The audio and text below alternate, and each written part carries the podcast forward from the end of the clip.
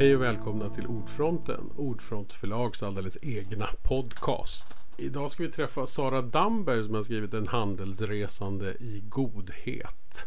Hej Sara! Hej! Och jag heter Pelle Andersson och är förläggare här på Ordfront och leder ju dessa samtal. Eh, Sara, du har ju gjort ganska mycket saker i ditt liv och nu har du skrivit en bok. På vilket sätt skilde sig det där då? Var det roligt att skriva en bok eller var det svårare än du hade tänkt? Eller hur tänker man? Men det var både och ska jag säga. Det var väldigt, jag tycker att det var väldigt roligt. Det var en väldigt lärande process. Mm. Det var stundvis extremt frustrerande och svårt. Mm. Och det var rätt ensamt tycker jag. Ja just det, mm. du är van att jobba i team. Ja men exakt. det är din grej. Ja det är verkligen min grej. Så det var, men det var bra. Jag tyckte det var utvecklande också att utmanas i den egna processen på något sätt. Mm. Och det här handelsresande i godhet. Alltså, vad är det då som utmärker den här godhetsindustrin som, som du har varit en del av? Var det en industri ens när du började engagera dig för att förändra världen? Ja, men det skulle jag nog inte säga att det var. Det var väl Nej. mer en så kallad liksom folkrörelse. Mm. Men jag tycker det är kul med godhetsindustri och begreppet godhet. Och det är också många som har reagerat på det. Mm. Det är många som har reagerat på namnet och eh, också lite så här vad menar hon nu? Menar hon att hon själv är god liksom nu? Mm. Är det det hon syftar på? Och då blir man väldigt stressad för det är liksom, godhet är väldigt laddat som mm. begrepp. Jag tror att vi alla liksom vill vara en del av och känna oss att vi deltar och är goda. Mm. Samtidigt så vill vi inte liksom i det svenska på något sätt jante att man får inte riktigt säga att man är god eh, samtidigt. Men det var inte svar på din fråga. Nej, men, nej, men. men, men, nej, men godhetsindustrin, det är ju, jag tänker att det har blivit en industri, att godhet liksom har blivit en valuta och att det har blivit mm. på något sätt en big business. Mm. Och det är ju å ena sidan väldigt bra. Mm. För att då kan vi fler chippa in och vara med och delta och liksom ta ställning. Och samtidigt så är det ju ganska problematiskt. Mm. För att eh, då kanske det blir mer paketering och yta än vad det blir reell förändring. Mm. Kände um, du så att det var så när du kom in i branschen då, eller när du, började, när du startade Friends till exempel. Var det mer så att då var det konkret, det här ska vi jobba med och inte, for, liksom, inte som ett avlatsbrev. Man betalar lite till Friends och så slapp man göra något. Ja, alltså, men det skulle jag säga. Men det var ju också, det är det som på något sätt är lite motsägelsefullt. För att när jag också var då 19 år och ville komma in i den här sektorn, hade massa idéer och tyckte jag hade massa att bidra med. Då var det ingen som var intresserad av mig. För då mm. fick man ju engagera sig liksom enligt traditionen, enligt mm. liksom strukturen och då fick man bli medlem och så skulle man göra sin resa och sådär. Så det var ju på något sätt också, jag upplevde det som att det var på något sätt en tung blöt filt också över sektorn. Det fanns inte så mycket kraft, liksom utrymme för innovationskraft, det fanns inte så mycket plats för nya idéer, nya personer. Och den där filten vill jag ju på något sätt också dra bort. Mm. Så att jag har ju också, bidragit jag har också bidragit till allra högsta grad till det här och inte minst när jag liksom startade upp den här verksamheten som jobbar med sociala entreprenörer och har drivit liksom ett ekosystem mm. för sociala entreprenörer. Och att jag för tio år sedan verkligen önskade mig liksom en mer eh, sprudlande sektor med liksom mer så blommor som poppade upp här och där. Och kanske nu kan titta tillbaka och se okej, okay, det var bra för vi behöver mer innovationskraft. Men det var kanske också liksom, klurar till det för att eh, en social entreprenör som har en egen idé, det är inte säkert att den idén är svaret på de stora globala utmaningarna. Så Nej. det blir också ganska populistiskt och det blir väldigt, narrativet blir ganska smalt och det blir kanske utifrån olika individer snarare än att det blir de gemensamma liksom globala liksom, svårigheter som vi, som vi står inför eller som vi befinner oss i. Blir det också så att det blir liksom, till och med kan vara en konkurrens mellan olika organisationer? Aha. Så att man kanske till och med börjar motarbeta varandra fast man egentligen kanske vill samma sak? Ja, alltså jag tror tror inte att vi inom, liksom, i sektorn motarbetar varandra på det sättet. Jag tror att vi har liksom en, en, någon slags intention att vi vill jobba tillsammans och att vi ser att vi alla bidrar på olika sätt. Men i praktiken så blir det ju ändå så. För, att, mm. för det första så konkurrerar vi med våra rättighetsperspektiv. Mm. Alltså vilken fråga är viktigast? Vilken fråga ska få mest politiskt utrymme? Och det gäller liksom att få gehör för det man själv brinner för. Så ibland om man tänker på det kan det ju bli väldigt tokigt. För då kan det liksom bli så här, nästan som en så här debatt om men vår målgrupp är det mest synd om. Nej men vår målgrupp är det mest synd om. Mm, liksom. Vilket är hemskt för att ingen vill ju vara utsatt. Det blir liksom också ett ganska obehagligt maktperspektiv mm. på det. Man sätter sig och liksom bedömer olika grupper. Men sen blir det ju också en konkurrens om eh, pengar såklart. Mm. vi är alla beroende av både statliga pengar och liksom pengar från företag och medlemmar eller liksom månadsgivare och så. Är det så att det är lättare om man jobbar med konkreta problem i Sverige. Jag vet att det kan bli, ibland bli så till och med internationellt i så här flyktingkatastrofer och så. Vem är först inne på platsen? Vem får möjlighet att göra det här jobbet och så. Mm. Vilket man tycker är på ett sätt fint att folk har bråttom in men mm. det finns också en baktanke mm. där. Mm. Att vi ska vara de som företräder de yeah. fattiga sudaneserna yeah. eller vi är de som yeah. ska rädda de här. Mm. Är det lättare i Sverige då att göra sånt här tror du? Eller blir det samma konkurrens Nej, men Jag här? skulle säga att vi har en väldigt liksom, stark konkurrens och vi har också en stark liksom, vi har ett press på oss också att paketera det vi håller på med och göra det greppbart för mm. allmänheten för att vi då ändå spelar på någon slags på samma liksom, arena och alla gör vi olika typer av marknadskampanjer. Och det där skriver jag om ganska mycket mm. i boken för jag tycker att det jag menar jag som har jobbat i sektorn så länge, vi har ju pratat jättemycket om att man vill hitta sin, sin get. Liksom. Mm. Och med det menar man att, ja men du vet det här att man kan liksom ge en get till en fattig by. Mm. Och sen är det så superenkelt, om jag betalar 200 spänn i månaden för min get och så blir det jättebra för den här byn i det här fattiga landet. Och, och det stämmer ju inte överens med verkligheten överhuvudtaget såklart. Mm. Det är ju bara en paketering. Men att vi ändå liksom i sektorn är så här ivriga och vill hitta vår paketering för att vi ska få de här månadsgivarna eller de här följarna att förstå, att förstå vad vi håller på med. Och då sätter vi kroppen för oss själva. Mm. För att samhällsförändring och liksom skapa långsiktiga systemförflyttningar det är ju superkomplext. Mm. Och det gör vi inte på ett projekt på något år eller liksom några år. Och det finns inte bara liksom en enkel lösning utan oftast är det en myriad av olika typer av insatser och det kan vara liksom värderingsskiften och massa saker som behöver ske för att du ska kunna få den här stora förflyttningen. Och då kan man inte göra det själv heller, det måste man alltid göra i samverkan. Ja, just det, eh. med eh. också andra med aktörer, också and ja, även staten ja, eller kommunen ja, eller vad det nu kan vara. Eller det är så, landets egna Ja, så paketeringen gör ju på något sätt att vi lurar också. Alltså vi vill, vi vill få med oss folk och det är såklart att vi också måste bli greppbara för det mm. behöver vi ju alla i vårt samhälle idag. Men det kan också bli att vi liksom förenklar någonting som är väldigt svårt vilket gör att det blir svårt för oss att göra det vi faktiskt behöver göra för att skapa förändringen. Mm. Men har du känt också att nu när näringslivet ändå på senare år har blivit mer och mer engagerade i och vill ha hittat sina egna projekt och egna organisationer att få ut sitt, sitt engagemang i. Mm. Både att det kommer in mer pengar men blir det också mera liksom, kommersiellt? Att de liksom, eh, greenwashing fast vad det kan heta mm. när man hjälper folk. Mm. Kanske heter något annat. Men ja. har det där blivit ett större och större problem? Eller? Ja, men alltså, det är ju, jag tycker verkligen att det finns liksom, återigen två sidor. För jag tycker såklart att det är jättebra att näringslivet vill vara med och bidra. Och att det är idag en helt, men det är en central alltså uppgift för företag att också ta ett samhällsansvar. Mm. Mycket mer än bara det var för tio år sedan. Och det finns mycket mer krav från kunder och anställda att man behöver vara ett ansvarsfullt företag. Det är ju bra.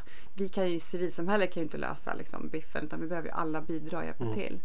Men det är ett problem om företag paketerar och liksom sprider eh, kampanjer som talar om att de skapar den ena och den andra förändringen när det kanske i praktiken inte betyder så mycket utan det mer liksom är en paketering. Det finns mm. ju många exempel på det. Och det var, jag tror att det var tidningen Resumé som gjorde för ett antal år sedan där man såg att för tio år sedan så var åtta av tio så här, syftesdrivna marknadskampanjer var från civilsamhället, vilket är naturligt mm. som jobbar med de frågorna. Så 2020 så var åtta av tio av alla syftesdrivna marknadskampanjer från näringslivet. Mm. Och det säger någonting. Och då kan, du också, kan man också fundera på om du inte då är engagerad och vill engagera dig så är det ju också på något sätt lite snårigt. Ska jag liksom dricka mm. Oatly-mjölk eller ska jag ge pengar till BRIS eller ska jag liksom bli nattvandrare? Mm. Och det är klart, du kanske ska göra allting. Eh, så är det ju. Men det kanske Men man inte hinner. Det kanske man inte hinner och så blir det liksom på något sätt att vi spelar på samma arena fast vi egentligen har lite olika uppdrag. Mm. Och hur får man det där att hända då? Alltså, vad, när, ibland så upplever man ju ändå att det här äh, engagemanget i företagsvärlden kommer uppifrån. Det är någon ledning som inser att man vinner något på det här. Men hur får man det sen att ändå bli så att hela organisationen omsluts av det här och att det verkligen blir en förändring? Så.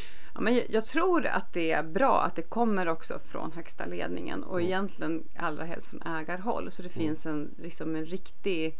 Eh, liksom, ett, ett riktigt engagemang. Ja, men riktigt engagemang. Och, att det, och jag tror ju att vi alla är ju människor och jag tror att det också finns eh, någonting positivt ifall det kommer inifrån. Att det blir någonting som man själv tycker är viktigt. Mm.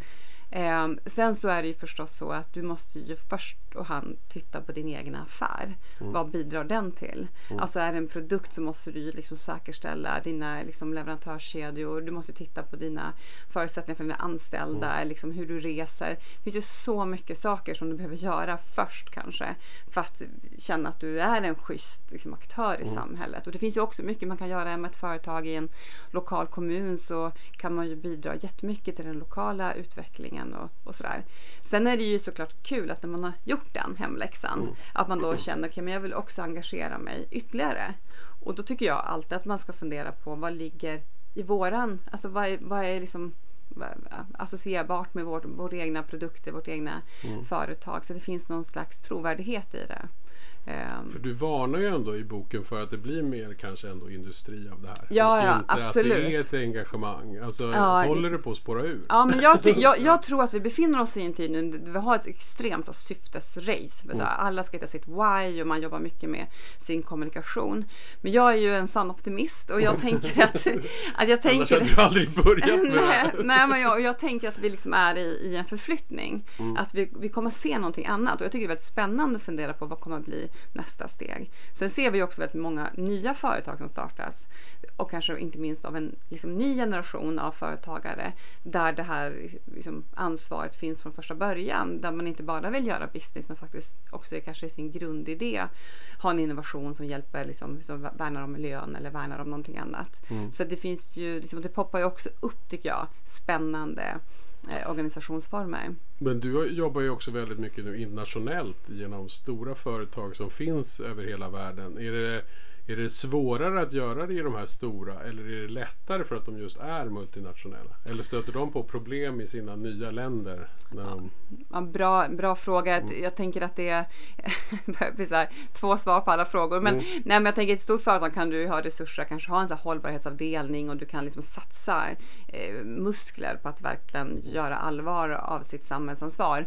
Eh, samtidigt så kan det ju finnas någonting ibland med de här små företagen som kan vara mer snabbfotade och liksom mindre hierarkiska och kanske inte ligger på börsen och det finns liksom andra aspekter som man inte behöver ta hänsyn till. Så det beror nog lite grann på eh, om vi tänker på rent hållbarhetsarbete eller om vi tänker på mer så här det här extra samhällsansvaret så tycker jag att det kan se lite olika ut. Men när, om du idag skulle starta, vi säger så här då, att du skulle starta ett företag just nu. Är det så att du tror att det måste nästan vara syftesdrivet? Eller är det liksom, kan man, alltså är det liksom numera nästan så att det börjar bli en grund för företagandet? Att mm. man måste tänka på det här från början? Eller gör nya företagsledare det här ja. mer och mer? Ja, Eller är bra. Det... Alltså man skulle ju önska att man svaret var ja på den frågan mm. men jag undrar om det verkligen är så. Eh, utan jag lever ju i min bubbla liksom och mm. jag eh, rör mig ju kanske mer med primärt med civilsamhället men också kanske med liksom, företag och startups som har liksom ett större syfte än själva alltså, dra in pengar till sina aktieägare. Mm. Men däremot så skulle jag väl säga att liksom, då kommer man tillbaka till som ett annat budskap med en bok som handlar om det personliga mm. ansvaret och det jag tänker att, att som anställd kan du ställa krav på att du vill att ditt företag ska ta mer ansvar mm. och jag tänker att du också som kund kan ha liksom jag menar, vi kan ju idag välja på ett helt annat sätt och ställa andra typer av krav. Så att vi skulle ju alla gemensamt kunna bidra till att ställa mer krav mm. på, på de som har, som har makt och liksom möjlighet att påverka. Men känner du att det finns liksom ett krav från, civil, alltså från vanligt folk, från kunden? Mm. Bryr sig kunden om att faktiskt företag... Alltså det måste ju vara en sån analys man har gjort. Men är det verkligen så? Är det så att alltså- kunderna alltså, kräver det här av ja, företagen? Men, ja. Eller genomskådar de det här och tänker att ja, men, det är bättre att göra nytta på något annat sätt? Mm. Ja, kanske. Jag tänker att det också finns ett eh, visst... Eh, eh om man får liksom vara lite krass då, mm. kanske också finns en, en ganska stor okunskap kring det här med att ta samhällsansvar. Jag tror att det kan vara svårt, om du inte själv jobbar med samhällsförändring kan det också vara svårt. Vad är egentligen mm. bra? Jag menar, det pågår ju fortfarande diskussioner om så här, ah, men jag vill ge, säga att jag vill bli månadsgivare, vilken organisation ska jag välja? Mm. Och så pratar man om vem har läng, lägst overheadkostnader? Ja precis, det gör man ja, men, ju ofta. Och ja, så blir man så här sura på att det, så här mycket gick till löner för den här VDn helt... och så här mycket la de på reklamkampanjen. Ja men vilket är helt absurt för att jag menar det handlar ju inte, någon, det handlar inte om det överhuvudtaget. Nej. Jag menar det, det enda vi behöver liksom, till de organisationer som jag driver det är vi behöver personal. Mm. Det är den enda kostnaden vi har. Det är människor. Mm. Vi köper inte in några jätter eller liksom någonting annat som vi delar ut utan vi, vi har smarta människor som jobbar med liksom, ja, men opinionspåverkan eller liksom forskning mm. eller vad det nu kan vara som krävs för att få den här förflyttningen. Så att jag tänker att det finns också någon slags allmän tycker jag, missförstånd kring hela den ideella sektorn och det är väl också ett viktigt budskap med min bok mm. att det är ju en idéburen sektor som har som syfte att skapa ett bättre samhälle utifrån olika, jag menar jag jobbar med barns rättigheter, det kan vara andra frågor. Mm. Och det enda målet vi har är att hitta de smartaste och mest effektivaste lösningarna på det samhällsproblemet som vi har identifierat. Och, eh, och det gör vi på massa olika sätt och vi gör det ibland bra, ibland gör vi det mindre bra liksom, såklart och, och vi kämpar på och vi försöker påverka politik och annat. Och det är ju komplext. Och, och vill man liksom stötta en sån organisation så måste man också ha förtroende för den expertisen som finns i verksamheten. Mm. Och då är det liksom inte lönenivåerna som är det viktigaste. Sen tycker jag att man självklart, jag menar, som civilsamhällsaktör, vi måste ha jättestor respekt för de pengar som vi får in. Mm. Det är liksom månadsgivare. Skattepengar ja, men också exakt, ska liksom ja, exakt. på bästa ja, sätt. Det är klart att jag har jätte, jag tycker det är superviktigt att liksom ha väldigt så här eh, cost conscious och liksom vi ska vara försiktiga med vad vi gör och pengarna ska gå till rätt saker och sånt. Men jag blir också väldigt ledsen när liksom overheadkostnaderna blir blir måttet. För det är inte ett mått på kvalitet eller på hur mycket impact vi åstadkommer. Sen en annan viktig aspekt, tittar man på dem, jag tror att det är eh, jag menar, 68 procent av alla pengar som i civilsamhället samlar in varje år kommer från allmänheten mm. och bara 9 procent från företagen. Ja.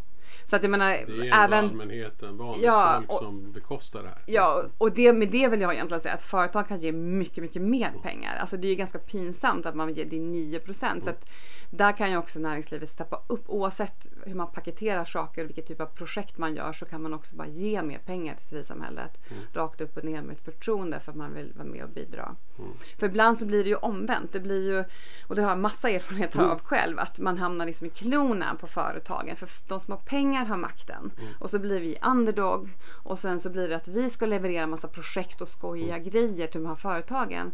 Och så hinner vi aldrig jobba med våran kärnidé eller liksom med Nej, vår precis. grundversion. Att göra det som ni ska göra. Ja, utan man liksom trasslas in. Och jag kan också förstå att man vill visa sina anställda, man vill visa sina kunder att man gör bra grejer. Men det måste finnas då måste man få betalt för det och sen utöver det få betalt för sin kärnverksamhet. Annars så hamnar vi i att vi blir liksom aktivister åt företagen eller inga aktivister alls. Nej. Och det är väl det jag tycker också är liksom utmanande eh, om man tittar på liksom hela vårt välfärdssystem och där också civilsamhället idag blir en leverantör mm. till, vår, till vårt välfärd. Och då blir det också så här, okay, ska vi vara serviceaktör eller ska vi vara en röst? Mm. Och jag tror att vi behöver vara en röst för vi är ju någonstans röst för de som inte har någon röst. Mm. Och då blir det också problematiskt ibland när vi liksom hamnar mer i det här service och liksom upphandling. Mm. Samtidigt så är det ju bra. Om välfärden brister så måste vi också kliva in och hjälpa annars hamnar ju människor i mm. kläm. Så att, alltså det är svårt men jag tror att vi är i en, i en period, vi håller på, vi, vi är i en omställning. Mm. Civilsamhället håller på att förändras. Vi kan inte liksom, det kommer inte vara som det har varit. Och jag tror att alla stora organisationer måste fundera på vad ska vi ha för roll om tio år? Vi kan inte ha den roll som vi haft tidigare. Vi kan inte leva på våra medlemmar i de här lokalföreningarna utan det ser, engagemang ser annorlunda ut idag. Mm. Så att jag tror att vi befinner oss i en transformation både från civilsamhällets håll men också från näringslivets liksom, håll, vilken roll man vill ha. Sen kan man ju också ibland uppleva att också samhället drar sig undan eller staten drar sig undan vissa uppgifter. Och så kliver civilsamhället in och får ta över uppgifter som de kanske egentligen inte... Det där kunde vi ha finansierat på ett annat sätt eller löst genom helt ja. andra system som ja. har funnits men inte längre finns. Ja, men ta socialtjänsten. Men det finns mm. hur mycket utmaningar som, som helst med vår, vår socialtjänst och det tror jag vi är ganska många som är överens om. Och då kan man alltid fundera på, ska vi gå in då som civilsamhället och lappa och laga mm. och komplettera? Ja, det måste vi ju göra för vi har ju barn och unga mm. i systemet nu som behöver vår hjälp. Men samtidigt så skulle vi behöva revolutionera hela socialtjänsten. Vi skulle Precis. behöva liksom bygga om socialtjänsten så att den blir mer effektiv. Ja, för att den fungerar på lång sikt. Och ja, och att den liksom matchar till så som samhället ser ut och de utmaningar som vi har. Mm. Du talar ju också mycket om civilkurage och så. Kan ett företag ha civilkurage? Ja men absolut. Alltså framförallt ledarna skulle ja. jag säga. Mm. Ehm, och det kan göra mig galen faktiskt. Att det är så mycket eh, företagsledare som bara fegar ur. Mm. Fast man har så jäkla mycket makt. Alltså man glömmer bort att, jag menar, för första är det mycket män. Och sen så mycket vita män som har typ mest makt i världen. Och, men, men, men, och då har man ju så mycket man har så mycket utrymme mm. att ta till orda och sen har man oftast också, är man kap kapitalstark. Mm. Man kan göra så mycket samhällsnytta genom att bara som ledare träda fram i olika frågor och säga det här ställer inte jag upp på. Det här accepterar inte jag, det här tycker inte jag, nu går vi över gränsen. På vårt företag så har vi de här. Men då är det som att man på något sätt känner sig så bakbunden av sina aktieägare eller av sina ägare eller man känner att det här är utanför mitt mandat eller alltså det finns liksom någon slags jag vet inte, den här medmänskliga, liksom bara den här äh, kompassen tycker jag många mm. gånger saknas. Och jag tycker att det blir i det liksom medieklimat vi har idag och i hela det här cancel culture och allting så eh, blir folk fegare istället för att bli modigare. Ja, för det är också det, händer inte det ganska ofta att sådana här saker kan krocka? Alltså att man vill satsa, man vill göra något gott och så får man kritik och så backar man tillbaka. Alltså att man inte vågar. Va, va? Ja, ja, men ta hela diskussionen kring liksom, ensamkommande. Mm. Jag menar 2015 så Precis. var ju alla ute på gator och torg mm. och ville liksom ta emot de här barnen och vi ville ställa upp och alla öppnade sina hem och mm. företagsledare gav pengar och politiker höll brandtal. Ett år senare så de som jag jobbar med nästan. så fick de sina bildäck pumpade, alltså vad heter det? Inte punkterade. pumpar, punkterade heter det. Ja, mot, inte pumpade, fick inte pumpade, punkterade. ja men och, och liksom blev förföljda istället för att uh, få stöd. Mm. På liksom så kort tid, hela vinden bara vände. Och då tystnade ju mm. de flesta. Alltså, även barnrättssektorn, inte bara företagsledare. Nej, hela sektorn ja. tystnade. Ja. Många tystnade. Alla, Alla ja. tystnade. Ja, exakt. Men hur kan man uppamma det där då? Hur, hur, får vi det att hända? Är det där en samhällsförändring som har skett över lång tid? Att vi har blivit tystare och tystare? Alltså för att det är väl samma sak. Det är väl inte så att rektorer heller går ut och bråkar eller kommunföreträdare eller alltså även politikerna kanske också har börjat tystna. Ja. Och hur kan vi bygga upp det där och hur bygger man civilkurage i ett mm. samhälle? Ja, men det är ju en jätteviktig mm. fråga och svår. Jag tänker ju ofta på det förstås. Jag tänker att det finns någonting, för mig i alla fall, kopplat med civilkurage och eh, empati. Mm. Alltså vikten av att, eh, liksom, att både träna våra barn i att liksom, bli empatiska men också prata om det. För att jag tror att en empatisk, men har du en stor empatisk förmåga så blir du också modigare. För att mod kostar ju. Och jag tror att vi också i det massmediala narrativet pratar om, vi tror att mod belönas i någon mm. slags hjältehistoria. Mm. Men mod belönas inte utan det kostar. Och det jag tror att den insikten behöver vi landa i um, och vi behöver också backa upp varandra. Mm. Jag tänker att vara en sån här typ joy killer på en middag och liksom vara den som förstör hela stämningen för att någon uttryckte sig rasistiskt och liksom hela tiden träda fram och säga ifrån. För det är ju ofta de här små sakerna som successivt nöter ner och förändrar och förflyttar och det är ju det vi har sett i hela tycker jag, i hela samhället. Mm. Och i Fast åt andra hållet då på något sätt? Ja, men exakt. Ner. Att ja. man liksom, precis, man står upp för de här små sakerna, de här orden mm. och hela tiden är liksom vardagsmodig. Mm. Eh, och, och då, då tror jag vi kan få en förändring. Och det är väl det någonstans som jag vill säga med boken, att jag vill man kan inte luta sig mot någon annan. Vi kan inte luta oss liksom på kommunen eller staten eller regionen eller företagen. Eller civilsamhället. Eller, eller civilsamhället. Nej, inte på oss heller. Utan, jag menar, man måste gå tillbaka till sig själv och mm. man måste verkligen se, okej, okay, men vilket ansvar har jag? Och jag tror ju jättemycket på det personliga ansvaret. Mm. Eh, hela tiden. Och jag tycker att jag tror att genom det personliga ansvaret och liksom ökat mod att vi kan få ett bättre samhälle. Alltså, det, det, jag tror att det är den enda, enda vägen. Ehm. Men alltså då kan vi gå tillbaka till dig själv. Hur har du liksom lyckats bli så modig då? För det ja. måste man ju ändå säga att du har varit. Du har ju ändå sedan du var 19 slagits mm. och stått upp för massa saker som har varit ganska tuffa. Och mm. du har mm. tagit ganska många fighter. Mm. Hur, vad tror du att du har fått din kraft ifrån då? Men jag tror att jag, jag, menar, jag, jag tror att också att jag började när jag var ung och Mm. märkte att, liksom, att min röst gjorde skillnad. Mm. Och att det liksom gav mig liksom energi i att okay, en röst kan göra skillnad. Alltså måste jag höja min röst på Mm. något sätt. Och så har man tränat på det. Och man trä- men det är ju så som med allt, man Mm. måste träna på det. Och jag tänker att liksom den träningen har hjälpt mig. Ehm, Sen är det klart att jag, menar, jag har alltid varit en ganska ensam person och Mm. varit ensam under min uppväxt. Och jag tror att Du står ut med det? Liksom. Ja men, någon, ja, men Eller precis. Ibland kan, jag känna, ja, men ibland kan jag känna att jag hade liksom ingenting att förlora. Ehm, och, och det gör ju inte mitt mod på något sätt bättre, nästan tvärtom. För att om du inte har någonting att förlora så blir inte insatsen lika hög.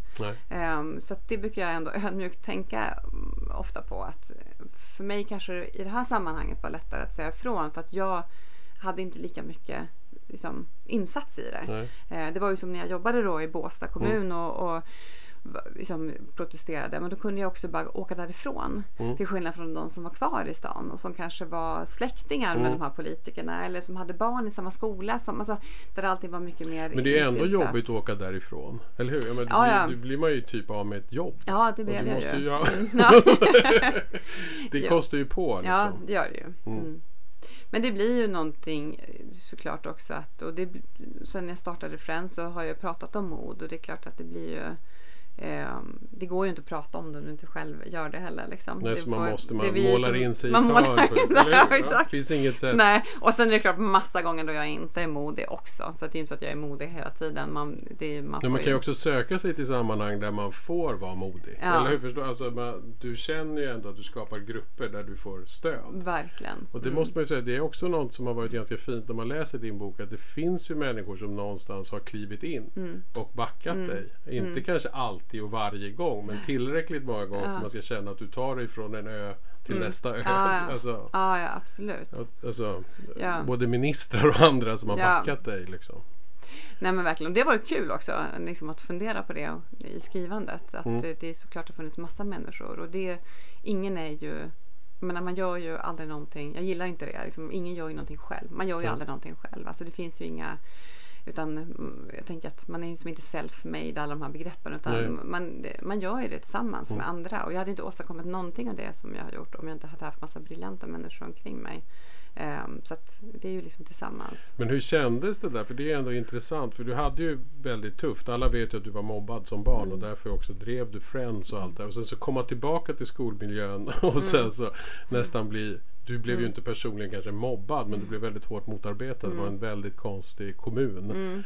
Hur, hur upplevde du det? Var det som att ah, men nu händer det igen? Eller hur, hur tar Ja men, jag man kände, det? Mm. ja, men det är klart att jag kände igen. Liksom. Och att det på något sätt också liksom, kanske grepp tag i saker som var djupare. Och det var väl också därför jag hade så starkt behov av att skriva om det efteråt. För att jag kände att det var, no det var någonting Mm. Och det här var som där det hände. satte igång Det kanske var- med boken. Ja, ja Alltså, till 100 procent. mm, Att jag tänkte, här måste jag berätta om. För att det, det, ja, att det, liksom, det blev på något sätt att cirkeln slöts kanske. Mm. Ehm, men jag upplevde ju inte ehm, alltså mobbning är ju oftast att maktbalansen är ojämn och att eh, det är klart att den var det i kommunen för det var många mot mig. Mm. Men jag kände ändå att jag hade mitt nätverk och min trygghet någon annanstans. Så att på så sätt så var jag ju kanske ändå mer jämlik på ett sätt. Ja, du hade också din makt. Jag hade också rygg, min makt liksom. och min position. ja, liksom, att, och den kände jag mig ändå trygg i. Så att på så sätt så upplevde jag det var liksom ingen, jag slungades liksom inte tillbaka Nej. till barndomen. Och sen har jag ju också jobbat mycket med det jag har varit med om i och med att jag har pratat om det så mycket och Mm. jobbat med det så mycket. Så jag tänker att det också säkert bidrog. Men tror du att det här också har blivit värre och värre nu när vi får fler och fler sådana här liksom, missnöjespartier. Vi får mer och mer sådana. Liksom, det, det har blivit en väldig kraft i den här, äh, vad ska man säga då, on, om vi pratar om en godhet, så den här onda rörelsen. Alltså, tror du att det är så att det där kan liksom välda över så att det är liksom omöjligt nästan att hitta tillbaka till det goda samhället igen och det starka samhället? Är det liksom, Nej, är vi det- nära? Eller Nej. känner du så? Eller är det Nej, så att det finns en kraft mot hela tiden? Ja, men jag känner nog, och jag har ju också förmånen att få vara i ett sammanhang där vi är många som vill och jobbar med att förändra. Så det är ju lyxigt för mig. Ehm, men jag tänker att eh, det, det som var så tydligt i den här kommunen, det var ju precis det. Att när man hade helt plötsligt bytt retorik och använde begrepp och ord som man aldrig som aldrig hade varit acceptabelt i andra sammanhang.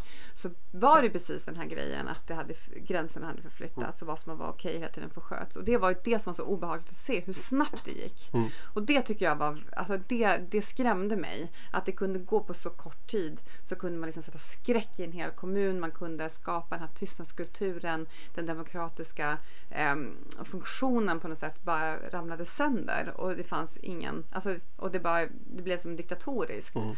Och det var ju väldigt, väldigt obehagligt. Så därför så är jag ju så fixerad vid de här små förflyttningarna. Och det är väl de vi har sett under de senaste 50 åren, Mm. eller hur? Att det är liksom, vad man kan säga, hur man får uttrycka sig.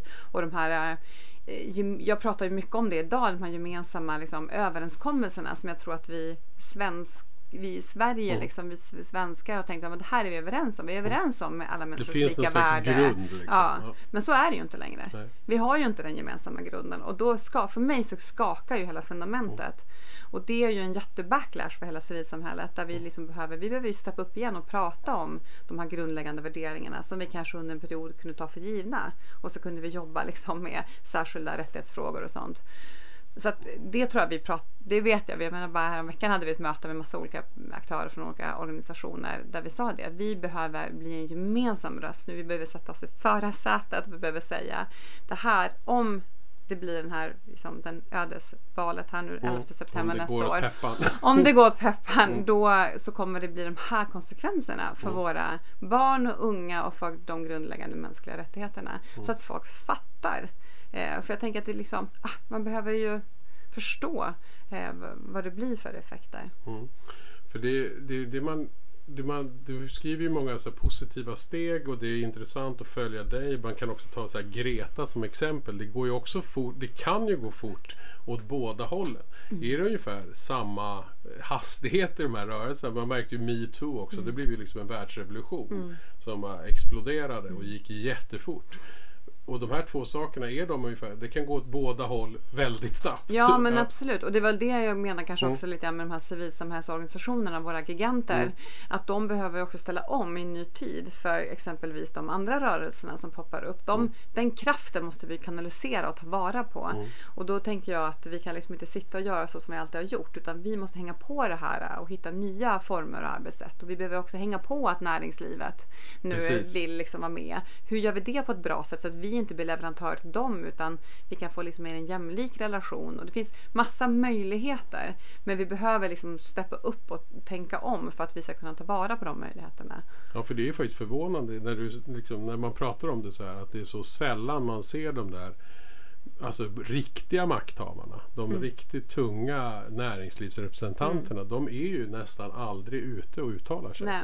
De går ju inte ut till storms mot hur det gick till i, i din kommun till exempel. Nej. Eller, de går ju inte ut och säger ifrån mot SD till exempel. Det skulle de ju aldrig göra. Men Nej. det är just att det är skillnad på politik och på frågor om du förstår vad jag Ja. menar. Alltså man vågar kanske gå ut och slåss för barnens rätt eller mot, för ett bättre klimat. Mm. Men man vågar inte gå ut och liksom ta ett visst parti i örat eller säga ifrån mot är det så? Är det just Ja, ja, partipolitik absolut. som är svårt? Ja, partipolitik är svårt. Unga människor vill ju inte heller riktigt engagera sig i partipolitik. De vill engagera sig i samhällsfrågor Mm. i all, jättemycket. Men de vill inte. Så det, det finns ju liksom någonting, någonting där. Men jag tänker nog att det liksom kommer tillbaka till den här eh, mediakulturen som vi har och hur snabbt det också går att eh, uttrycka fel eller liksom hamna på något sätt fel och liksom bara bli totalt. Man får bara gå och gömma sig liksom ett antal år för att kunna komma Mm. tillbaka. Att det finns, finns en att det, att det är snårigt. Mm. Och, så jag kan också förstå rädslan. Det är inte superlätt att liksom Nej. kastas ut och ge sig Man in i måste vissa träna frågor. det också. Liksom. Ja, och, och jag tror att vi behöver backa upp varandra Mm. och att vi liksom inte känner oss ensamma då utan vi kan vara liksom ett gäng av röster som säger nu ställer vi upp för den här målgruppen eller nu vill vi liksom synliggöra det här. Ja, och backa upp de som vågar uttala sig. Ja, ibland, verkligen. Ja, Ja. Ställa oss bakom den personen Ja. som faktiskt säger ifrån. Mm.